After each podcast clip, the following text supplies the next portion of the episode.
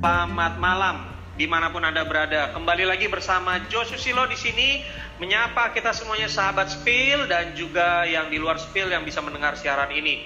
Terima kasih sudah bergabung. Kami dari tim Talent Development Spill kembali menyapa rekan-rekan semuanya dalam podcast edisi yang terakhir ini yaitu yang keenam.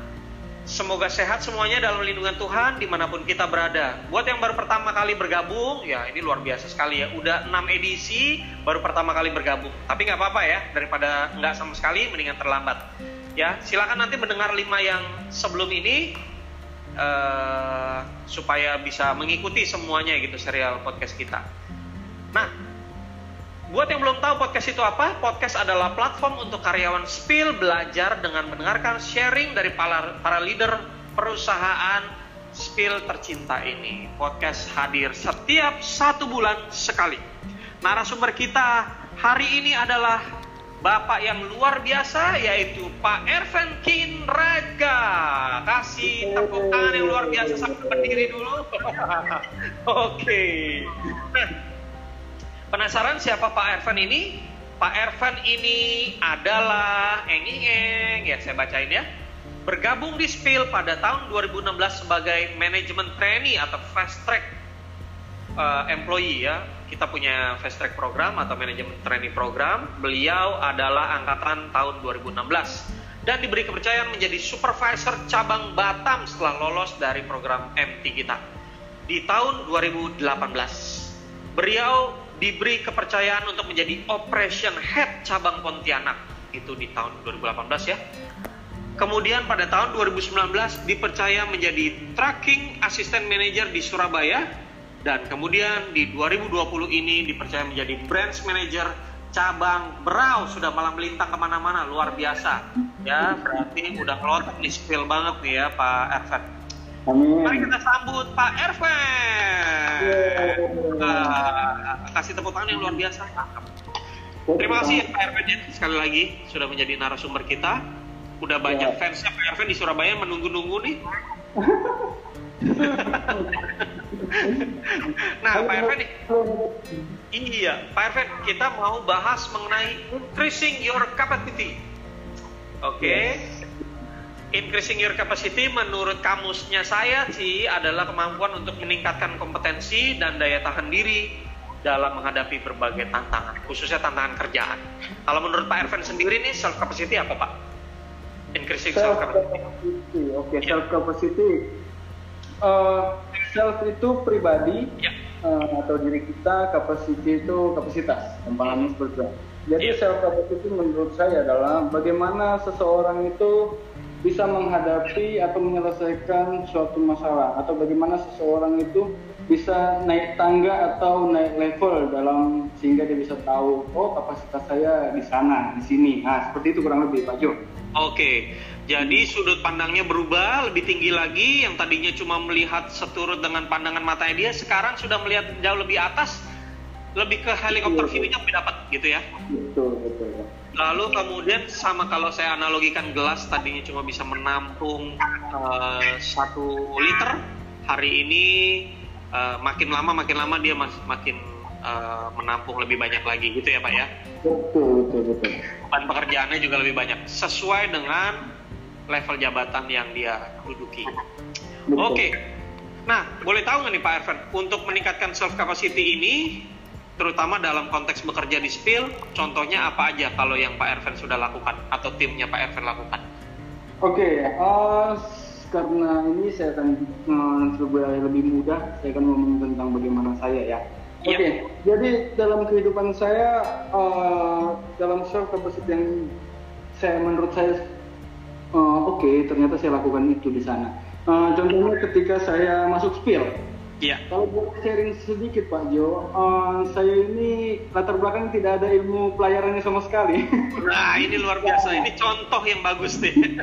saya tidak ada ilmu pelayaran sama sekali, jadi benar-benar buta. Jadi ketika itu, ketika saya uh, masuk di spill dan dapat informasi tentang spill, saya tidak tahu spill itu apa. Dan dulu mohon maaf, spill ini ketika ceknya situsnya masih jelek banget. Tapi sekarang sudah luar biasa, sangat jauh berubah. Kita, kita udah increasing ya, kita udah increasing. Ya, ya. Jadi ketika saya masuk spill, saya merasa, oh saya ternyata yang saya tidak pernah tahu, ternyata oh, saya bisa di dunia pelayaran melalui uh, kelas MT.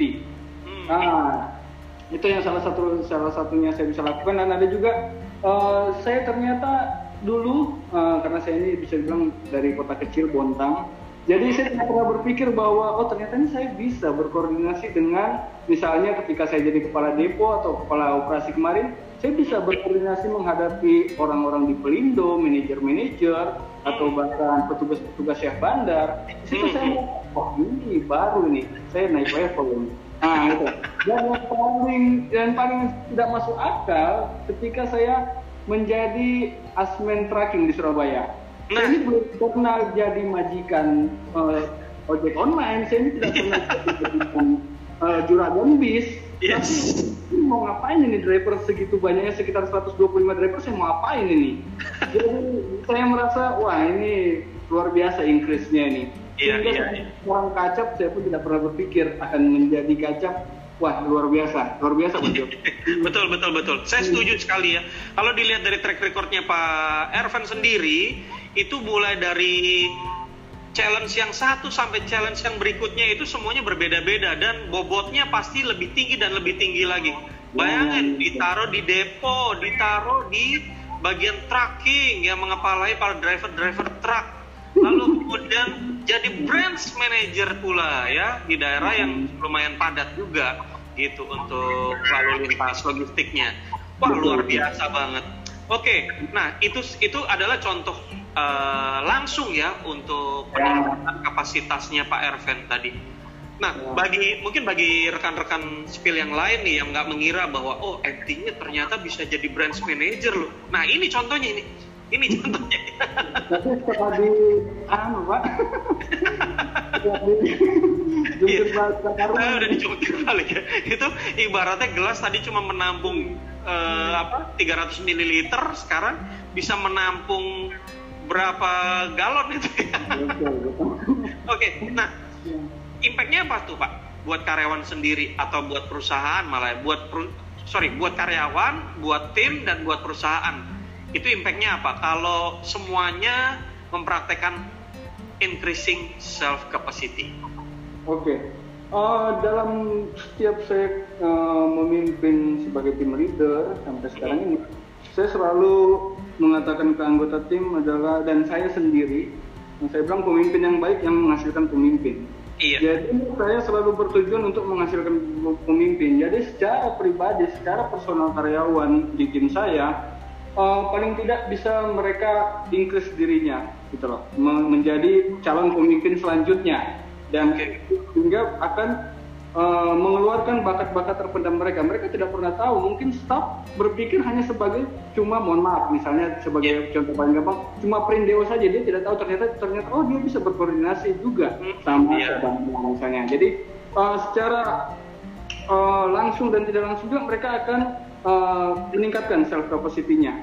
Hmm. Jadi hmm, itu dia. Jadi si, karena uh, personal itu terbentuk sehingga hmm. tim juga akan secara langsung uh, berimpact. Mungkin hmm. secara cabang dia akan naik tangga tetap ke uh, step selanjutnya hmm. sehingga akan berdampak besar juga bagi perusahaan. Jadi uh, perusahaan bisa semakin besar, terus perusahaan juga hmm, tertular keluar dari zona nyaman hmm, karena yeah. dari bawah kita atur untuk improvement gitu Pak. Yeah. Bisnisnya hmm. juga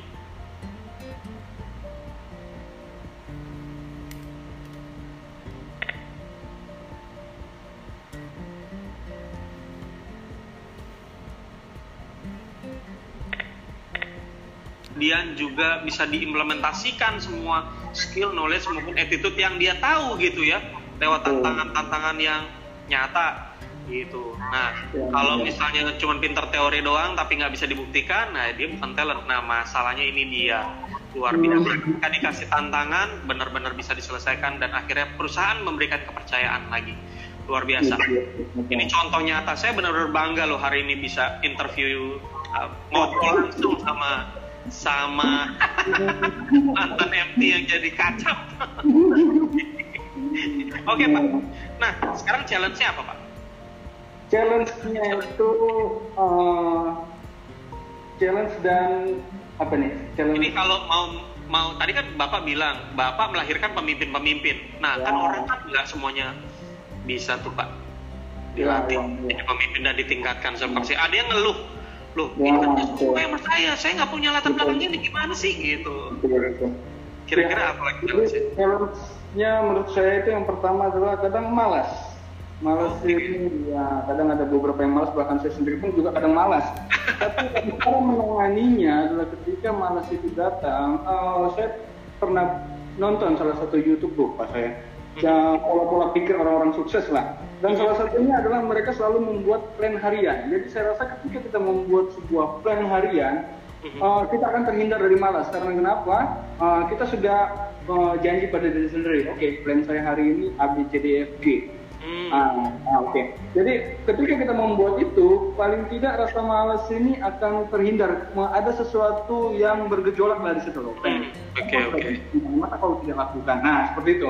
Ya, ya, ya. juga pasti ada kita sering menunda. Nah, sama halnya. Ketika kita tidak uh, harus ingat, ketika kita menunda, apalagi yang plan yang kita sudah buat secara harian, hmm. otomatis akan bertumpuk jadi besok. Nah, itu sesuatu yang tidak benar. Jadi uh, itu juga akan men-trigger supaya kita ini jangan menunda pekerjaan. Dan yang sering adalah kita uh, beberapa karyawan atau bahkan saya sendiri juga kadang kurang motivasi. Hmm. Nah, motivasi ini saya anggap mungkin karena kita uh, terlalu bosan sama rutinitas kali ya. Hmm, hmm. Jadi uh, saya punya saran supaya kita mencari hobi untuk refresh sejenak agar uh, motivasi ini bisa terbangun kembali. I see. Hmm. Oke. Okay. Nah, kalau dari semuanya itu yang paling sulit menurut Bapak, yang pernah Bapak temui itu apa, Pak? Pernah nggak orang yang terus-menerus ada di status quo tanpa dia mau berubah? Gitu, tanpa dia mau dirubah Ya, uh, itu tadi Pak. Uh, yang bisa merubah seseorang ini adalah dirinya sendiri. Hmm. Jadi ini uh, yang kita bisa lakukan ya seperti ini Pak Jo. Salah satu podcast ini kan uh, salah satu kita cuma bisa kasih gambaran. Hey hmm. bro, kalau berubah jadi A, kalau tidak berubah jadi B. Nah, hmm. gitu. Jadi kita mungkin uh, akan membuka pikirannya supaya lebih luas, supaya bahwa sesuatu perubahan ini tidak serta merta mungkin dianggap menyulitkan, tapi ada sesuatu yang baik di sana. Hmm. Gitu. Ah, Oke. Okay. Dikasih benefit dari perubahan itu sendiri ya? ya setuju setuju pak. Karena orang semuanya mengejar ah, apa sih manfaatnya bagi saya kalau saya melakukan itu gitu ya? Ya ya ya. Oke. Nah sekarang untuk tips langsung untuk para karyawan spill nih pak, apa yang harus dihindari supaya kita tidak terjebak di status quo itu tadi, supaya kapasitas kita bisa lebar? Uh, yang pertama zona nyaman. Oke, okay, hmm. yang pertama kita harus keluar dari zona nyaman. Kalau enggak nanti kita akan stuck aja di situ. Tangganya tidak naik atau bahkan bisa turun karena kenapa orang lain sudah naik iya. standar akan semakin naik. Pak boleh nah, digambarin nggak Pak? Sorry Pak, boleh digambarin nggak zona nyaman itu sendiri kalau membuat spill itu apa aja Pak? Zona nyaman itu yang paling mudah ketika saya hmm, pindah di sembilan tempat sampai dengan sekarang ini yang sering saya dengar itu adalah oh begini Pak Epen, dari dulu kita begini-begini aja. Normal kok kenapa harus berubah? Nah itu. Jadi ah jadi ah, ada yang mengatakan juga seperti itu. Tapi ah, yang saya bisa lakukan hanya kita ah, keluar dari sana saya akan berikan gambaran Pak, uh, kalau nanti kita tidak berubah, kalau Bapak tidak uh, oke okay, itu memang menurut Bapak tidak baik, tapi kita akan ketinggalan, gitu kita akan ketinggalan karena yang lain bergerak. Kalau kita masih stay di tempat yang sama, berarti kita semakin jauh. Iya. Ya, Oke, okay, setelah zona nyaman apa lagi Pak? Yang kedua adalah kadang ya saya pribadi juga kadang kita ini mengharapkan reward seperti yang tadi Pak Jo sudah singgung di awal. Oke. Okay. Apa sih nanti dapat apa sih nanti? Nah itu loh. Jadi jangan jangan jangan mengharapkan reward itu tadi. Uh, yeah. Apa ya? Ketika kita misalnya paling gampang lah uh, melakukan sesuatu misalnya kita berdoa tidak serta merta Tuhan langsung jawab doanya hari itu juga betul setuju tapi kan next nanti apalagi manusia hmm. yang mungkin bahasanya uh, ada juga yang mereka pikirkan secara pribadi. Jadi jangan mengharapkan reward. Kita lakukan saja yang terbaik. Uh, percaya saja keringat tidak akan mengkhianati kita sendiri. Betul, setuju, setuju. Oke, yang ketiga kita harus selalu mencari tantangan, bukan sombong, tapi uh, saya ini agak senang kalau saya ini uh, dianggap kurang. Berarti ini tantangan saya, tapi harus yes. realistis, Pak. Kita harus cari tantangan yang realistis. Yeah. Jadi budayakan uh, malu tidak bisa, gitu loh. Yeah, jadi, yeah. Uh, jadi paling tidak kita harus tahu, oh saya tidak bisa. Uh, sekarang ini global kok, apa yang kita tidak bisa cari informasinya? Hmm. Yang ada ya malas saja, karena kau tidak mau cari, gitu loh. Betul, betul, jadi, betul. Ah, jadi kita harus cari tantangan yang realistis dan kita seperti uh, hasil raker kemarin bahwa kita harus melampaui target. Target dibuat untuk dilampaui. Uh, Luar biasa. hmm. Oke, okay, tiga saja atau ada lagi? Nah, tiga saja pak. Tiga saja, oke okay, ya. Itu tiga aja udah udah sulit itu ya. kita harus benar-benar berlatih untuk bisa men, bukan cuma mencapai target tapi melampaui target. Wih, luar ya, biasa. uh, saya. Oke, Pak. Terakhir mohon saran, Pak, untuk uh, untuk ini bisa diterapkan di dalam diri kita secara praktisnya nih, terutama buat apa namanya? Mungkin mirip sama yang tadi ya, Pak ya, tapi tapi gini, Pak. Uh, sorry increasing your capacity increasing our capacity oh menurut saya sih udah sekian uh, ini pak pertanyaan udah cukup pak jadi mm -hmm. mungkin ada yang bisa ditambahkan dari bapak untuk okay. increasing your capacity oke okay, tambahan saya uh, ada tiga kata terakhir lah yang kira-kira menjadi kunci dalam kita melaksanakan atau dalam proses kita menaikkan kapasitas Iya. Yang pertama itu tantangan. Mm-hmm. Yang kedua bisa. Mm-hmm. Yang ketiga naik level. Mm. Ya itu Udah, tiga itu kata kunci yang menurut saya kita akan bisa mengincrease kapasitas. Tantangan. Tantangan bisa naik level. Luar biasa. Dibungkus dengan tiga hal yang sangat positif. Terima kasih buat waktunya hari ini, Terima Pak Erkan. Sukses selalu buat cabang Berau ya, dan sama buat teman-teman di sana. Ya, terima kasih. God bless you. Terima kasih pendengar sekalian. Itu tadi bincang-bincang saya dengan Pak Ervan, Kepala Cabang dari Berau. Semoga bisa memberikan insight yang luar biasa dan memotivasi kita semuanya untuk meningkatkan kapasitas kita sebagai pekerja dan sebagai makhluk-makhluk produktif. Salam Greeners. Terima kasih Pak. Terima kasih.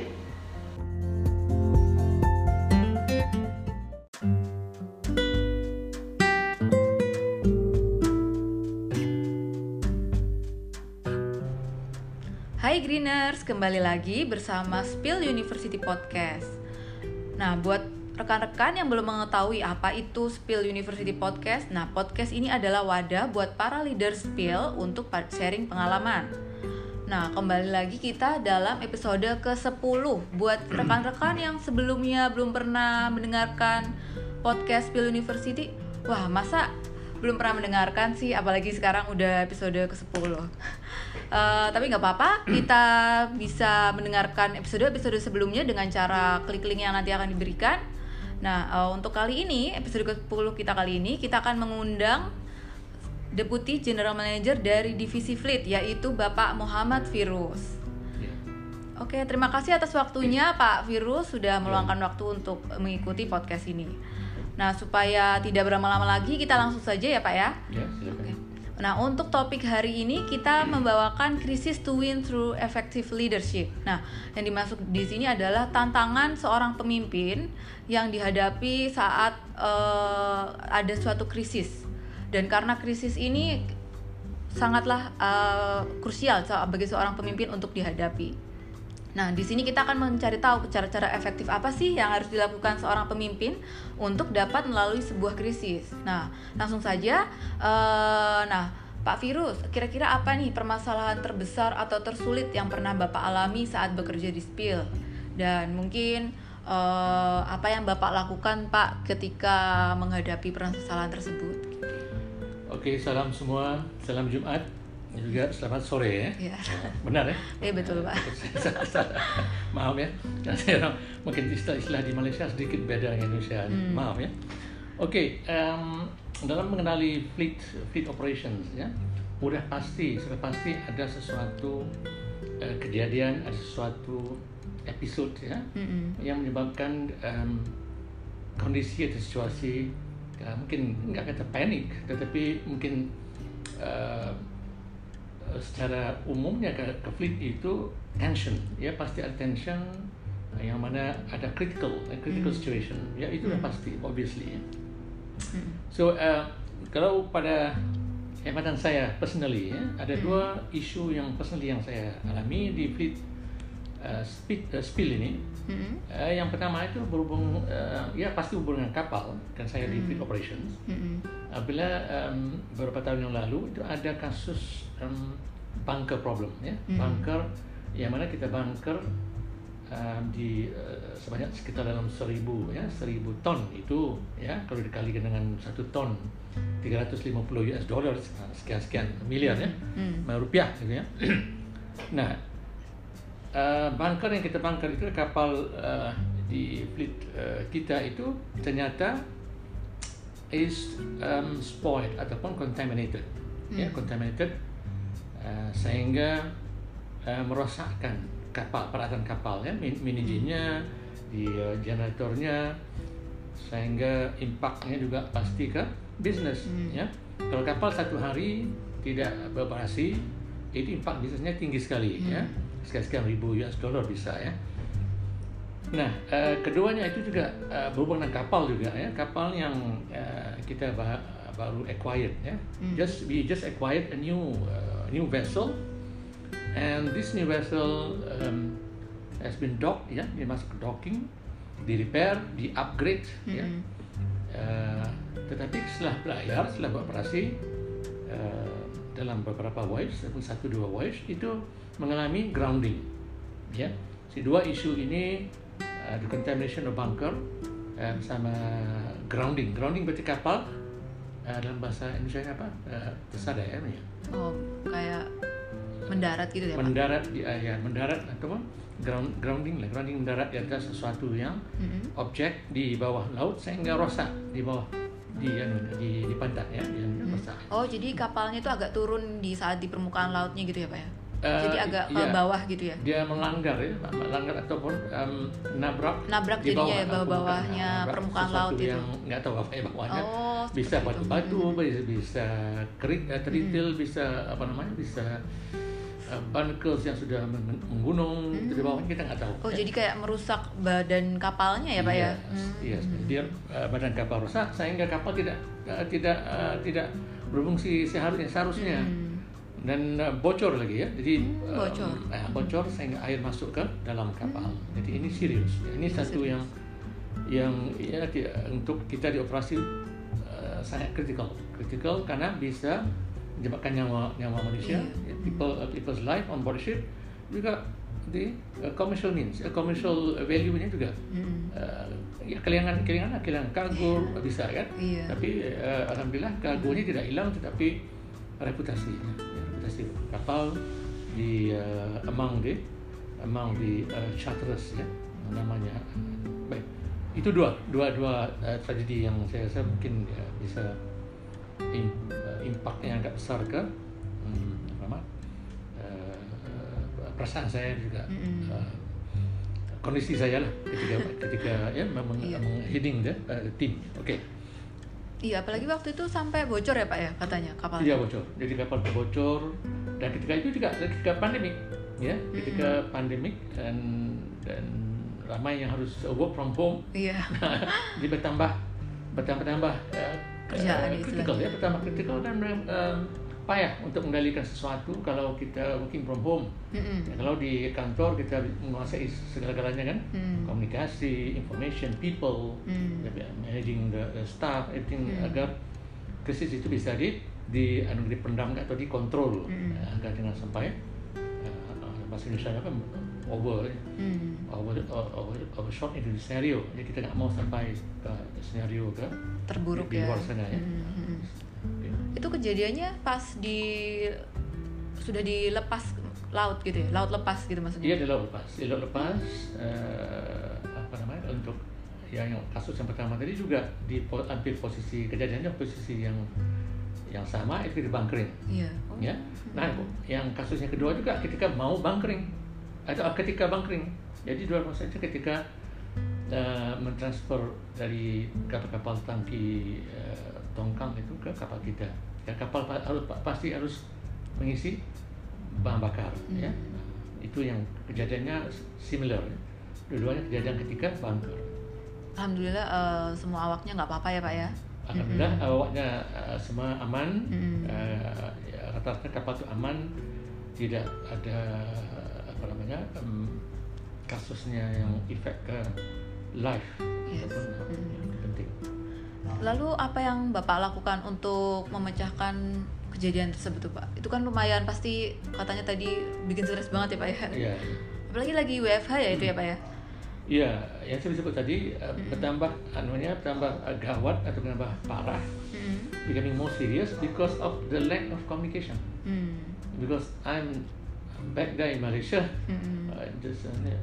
And okay, first case I'm I'm here, but Mm. uh, again communication, communication is very important, penting sekali. Hmm. Jadi isunya uh, adalah is to lead, ya isunya is to lead the so that situation will not be worse. Hmm. Jadi condition agar tidak uh, menjadi lebih parah dan lebih penting itu ya to protect. Jadi dua fold. Pertama to to protect the life of the people. Ya. Mhm. Keduanya is to to uh, protect the property atau asset. Asset Asetnya, dari ya. spill. Mhm. Jadi life most important and then the asset. And the second thing is the asset and also the property of the company. Ya. Jadi itu prioritasnya ya Pak ya saat memecahkan permasalahan ya, tersebut. ya. Mm. Nah, kan sebagai salah seorang pemimpin dari divisi fleet ini kan pasti Pak Virus sudah memimpin banyak proyek dan sudah melalui banyak krisis seperti yang barusan uh, Bapak ceritakan yang Oke. kapalnya grounding saat ini ya kan Pak. Nah, kira-kira apakah tantangan terbesar dalam menjaga ketahanan diri dan tetap memiliki motivasi ya Pak ya dalam menghadapi sebuah krisis karena kan kayak tadi kan pasti istilahnya down banget ya Pak ya. Ya. Hmm.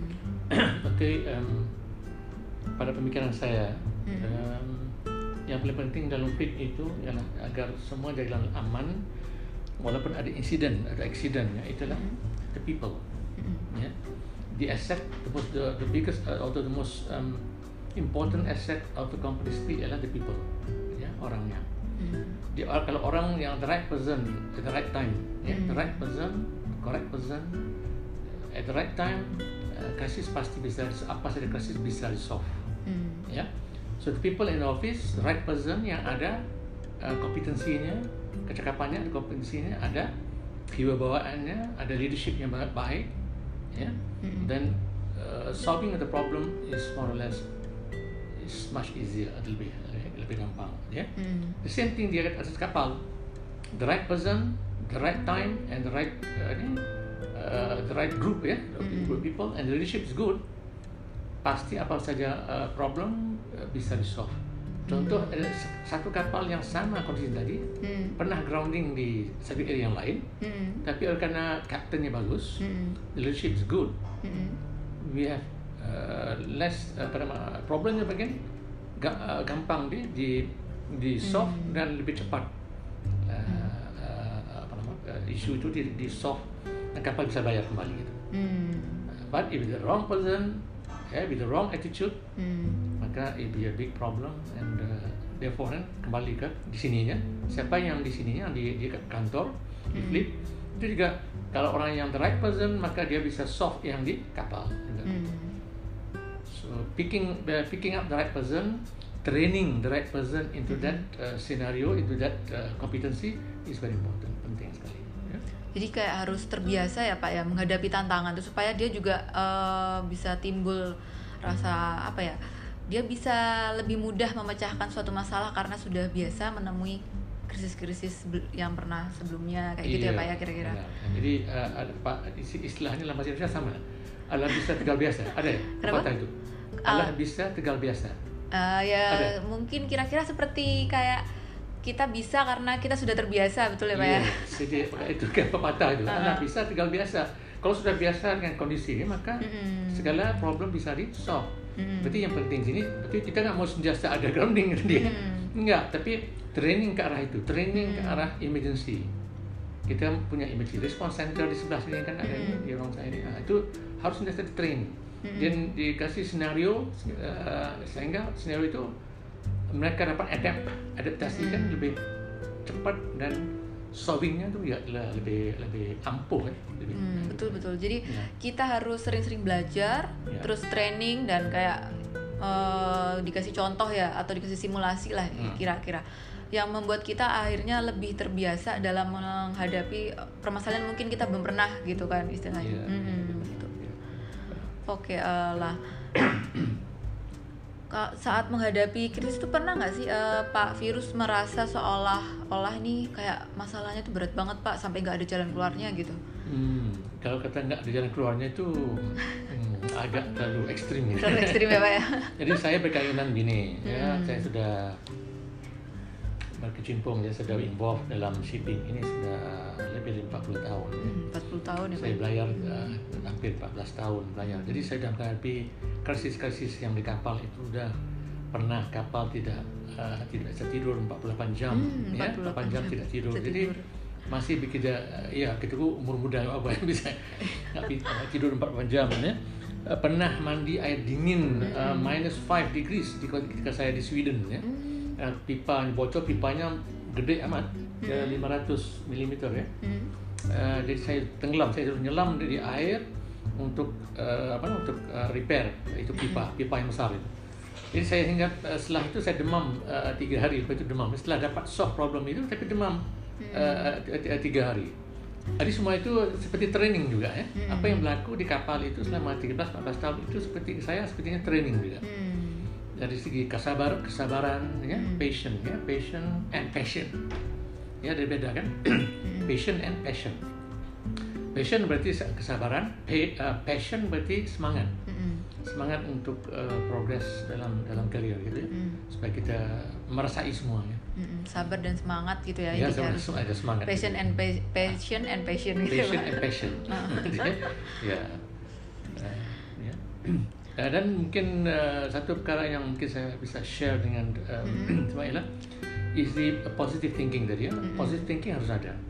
On all uh, leadership di di di, um, di level mana pun harus ada positive thinking. Hmm, Ada apa saja situasi, any situation hmm, pasti ada luang-luang gitu. hmm, Maksudnya luang waktu ketika pasti ada luang ketika maximum crisis hmm, kita rasa down pasti mas, mak, nggak mungkin kalau dalam katakanlah uh, kondisi 10 menit Mm. yang down gitu.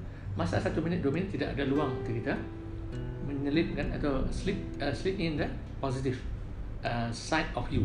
Hmm, meaning you and the group ABC in the group hmm, and you yourself personally. Kalau personally kalau saya contohnya saya pernah ini kan ialah itu tadi mungkin saya uh, dalam 10 menit itu satu dua menit saya keluar dari Hmm. ruangan itu. Hmm, ya? Or not only seri ruangan tetapi situasi itu saya akan keluar dari situ spend ada one or two minutes and think about other thing. Pikirkan yang lain. Pikir yang lain dan kembali.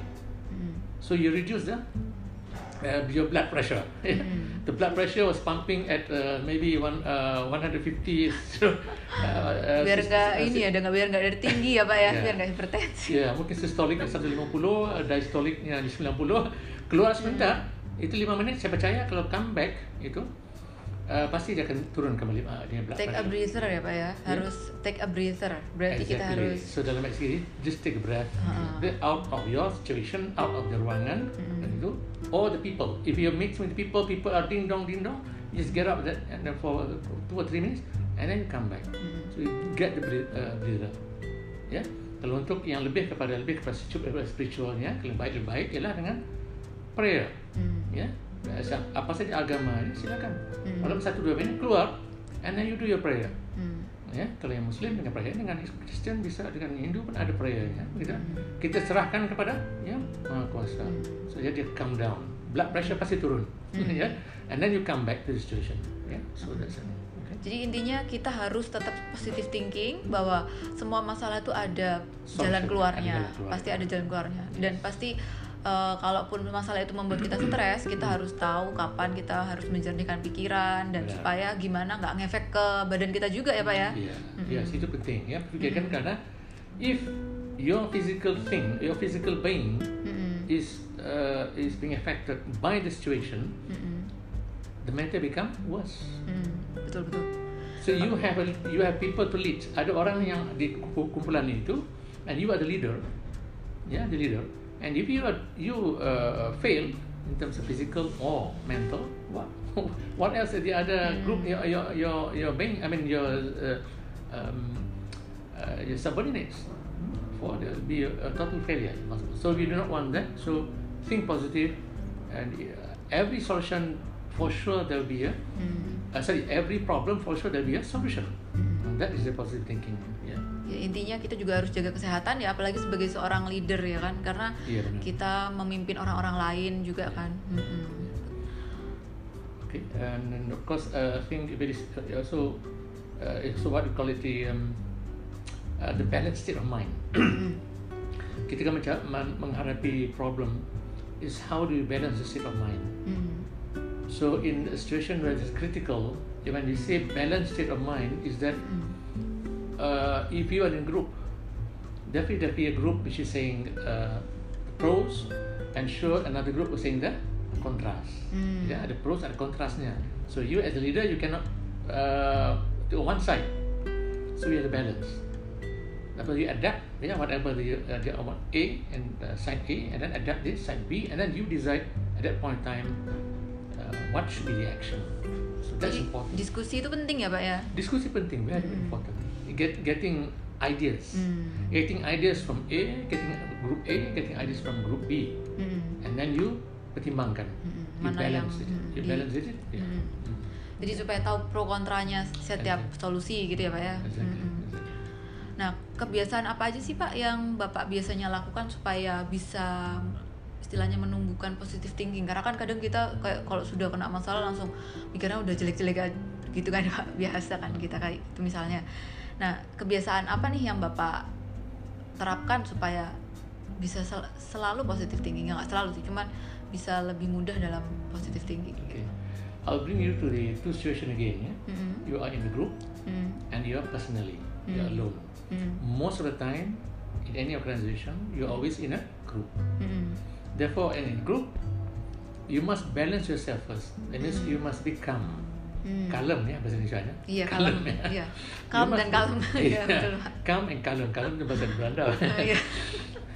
saya pertama, pertama kali saya dengar kalem, ya benar ya. Iya benar kalem ya. So you must be calm. You must calm, calm Mm. down. So if you are not calm, then your uh, your subordinates or your team will not be calm. Mm. They will think uh, otherwise. There will be a lot of contrast and those. So first thing first, you must be calm. Never over eh, overreaction. Never overact. Mm-mm. It's not overaction. Yeah, overact. Just keep calm. Then everybody will be also calm down, Mm. and then they will think positive. From that positive, uh, uh, spiritual positive when you calm down, everybody will come down and just start thinking. Rather than uh, they raise their voice and they're getting nervous, they're getting angry, Mhm. they're getting all the negative uh, aspect of uh, uh, mindset. Mm. All that, then you get you get zero solution. But if you come down and then both side and you know coming to the solution, and we have a problem here, Mm. and both give their input, their input. Yeah, we give uh, we give uh, each person. If, if we group that's 10, 10 person, then give, give them an opportunity to speak up. Mm. But in the end, you decide. Mm. In the end, you as a leader to decide. So you need a calm situation. Therefore, you must first be the person, the first person to to come down, and as a as an example, as a as an as a lead to the other groups, and you will every problem will be solved. Mm. That's I, I that one I believe. Yeah. Oke, jadi intinya kita sebagai seorang leader harus tenang ya Pak ya kalau udah ada menghadapi masalah. Jangan sampai panik ya, malah karena kalau panik nanti istilahnya kebut ke solusinya itu buru-buru lah ya bikin. Tidak ada. People cannot mind because angry. Yeah? Iya, makanya. People in angry or in, in a heightened state, Mm. in, in a nervous situation, mm, people in nervous situation, whoever, Mm-mm. cannot get their mind right. Mm-mm. They cannot think right. Mm-mm. They cannot think positive. So the solution is just null and null and null, void, Mm. null in their mind. Ya, malah it comes ya down- pak ya ya uh, buntu ya.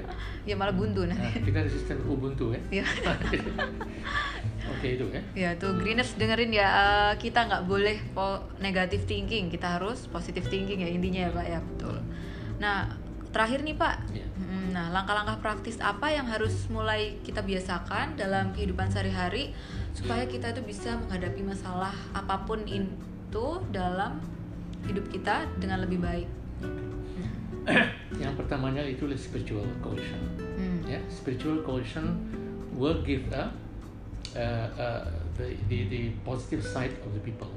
So each individual person, if there is uh, definitely every person has his own has his own uh, feelings, has his own um, experience, has his own uh, upbringing, yeah, Mm. from childhood until uh, as mature person. So it's different background, but as a single same um, value, what you call it, spiritual. Hmm. So if you are spiritual coerced, spiritual coerced means you are balanced inside. But you cannot be balanced inside if you don't remember your uh, ingat pencipta kita lah istilahnya penciptanya, ya. The one who created you, if you remember him, Hmm. then the rest will be is soft. I mean the rest of you lah, I mean, the rest of your emotions, your your everything about this, uh, a person ya. Uh, uh, apa nama? Uh, situasi uh, apa namanya? Situasi emosinya, situasi marahnya, situasi uh, semuanya akan soft with the spiritual cohesion. Then the next number two will be the group cohesion Hmm. ya perkumpulan ya perkumpulan berarti if you if you are working in any organization and especially spill definitely you cannot work alone you have to work with others in every sectors in every department each person has his own quality each person has his own uh, ch- uh, talent Mm-mm. each has his own uh, uh, desire. So all has to work together. So what more in a group? So you must call it group culture means you have to mix. Hmm. Yeah, mix at that. They can be uh, in the same level. Yeah, it can be on your higher level as well as your lower level. So work well in in, in cohesion, in harmony. Hmm. Uh, okay, when when things are uh, getting serious, so become serious Hmm. when thing has to be quick, be quick. Hmm. When things become um, has to be at the top, tip top uh, issue or tip top condition, just go tip top. But in a group cohesion, so discuss with the group, and uh, if there's a problem, call in the group. That's why we have this. Uh, beside here, we call it the emergency response center. Oh ya. Yeah. The emergency response center means when there's a, when there's emergency or a certain uh, a certain uh, uh, episode, a certain ship happening, all the departments will, yeah, will, will, will be here, and all the ideas, and there must be a leader Mm. among them to solve the problem. Yeah. So all in all, the two items important is the spiritual cohesion. Second one is the the group or the uh, multiple cohesion or group people uh, people's cohesion. Oke, kalau boleh saya rangkum berarti kita tuh dalam sehari-hari kita mulai membiasakan bagaimana apa me- melihara spiritual kita ya Pak ya. Iya. Hmm. Harus ingat kalau kita tuh nggak sendirian gitu ya Pak ya. Karena kan Iya. ada pencipta kita yang pasti Benar. membantu dan melihat kita gitu ya Pak ya. Iya, benar. Dan dalam bekerja juga kita mempunyai tim dan istilahnya masalah itu nggak harus dihadapi sendiri gitu kan ya dan kita harus bisa bekerja sama sama teman-teman satu tim kita gitu kan ya Pak ya. Mm-mm. Jadi harmoni. Ya, harus Di bisa itu harus harmoni, ya. walaupun ada ber- ber- ber- eh, berbeda Hmm. pendapat, ya, tapi harus harmoni. Jadi yang yang tadinya setelah dapat keputusan Hmm. dia kalah tu kan, ah, dia tidak, tapi jangan marah-marah kadang-kadang enggak. Tapi berarti is a group is a group discussion. Dia harus terima. Next time mungkin dia pendapat dia yang benar Hmm. ya Nah, itu yang, yang penting jadi menyadari bahwa uh, tapi tetap tetap perform Hmm. apa yang diperlukan oleh manajemen dia harus mengeluarkan maksimum Hmm. maksimum effort dia untuk berfikir atau ber, uh, act- action ya uh, melakukan action sesuai dengan apa yang ada dalam um, pengurusan manajemen hmm. of spill. Contoh masing-masing ada tugas gitu ya. Hmm. Contohnya purchasing ada purchasing hmm. uh, yang dari apa nama dari um, uh, split technical, technical, nautical. Jadi mereka harus ada kombinasi. Mereka kerja mereka tengah sekian, tapi harus duduk di semeja dan dapat pesan baca agar kapal ini berlayar dengan baik, baik hmm. dan aman, tidak ada ricuh, hmm. problem gitu ya. So, Intinya semua orang punya porsinya dan meskipun berbeda-beda kita harus tetap yeah. bisa serasi lah ya pak ya. Betul. Perbedaan itu indah kan ya kalau oh, iya. bilang ya. Per, ya. Perbedaan itu indah ya. Uh, saya kulit gini, sasa kulit gini, ya sama tuh. Akhirnya yang yang yang sana solution ya. Yeah. Nah, solution itu ya bedakan kulit dan uh, mm -hmm. macam. Betul sekali pak. Oke. Okay. Ya. Yeah. Oke, kita sudah sampai di penghujung acara. Terima kasih banyak kepada Pak Virus sudah meluangkan waktunya, Pak, untuk podcast kali ini. Dan untuk greener semua, kita berjumpa lagi di episode selanjutnya. Selamat jumpa semuanya. Ya, okay.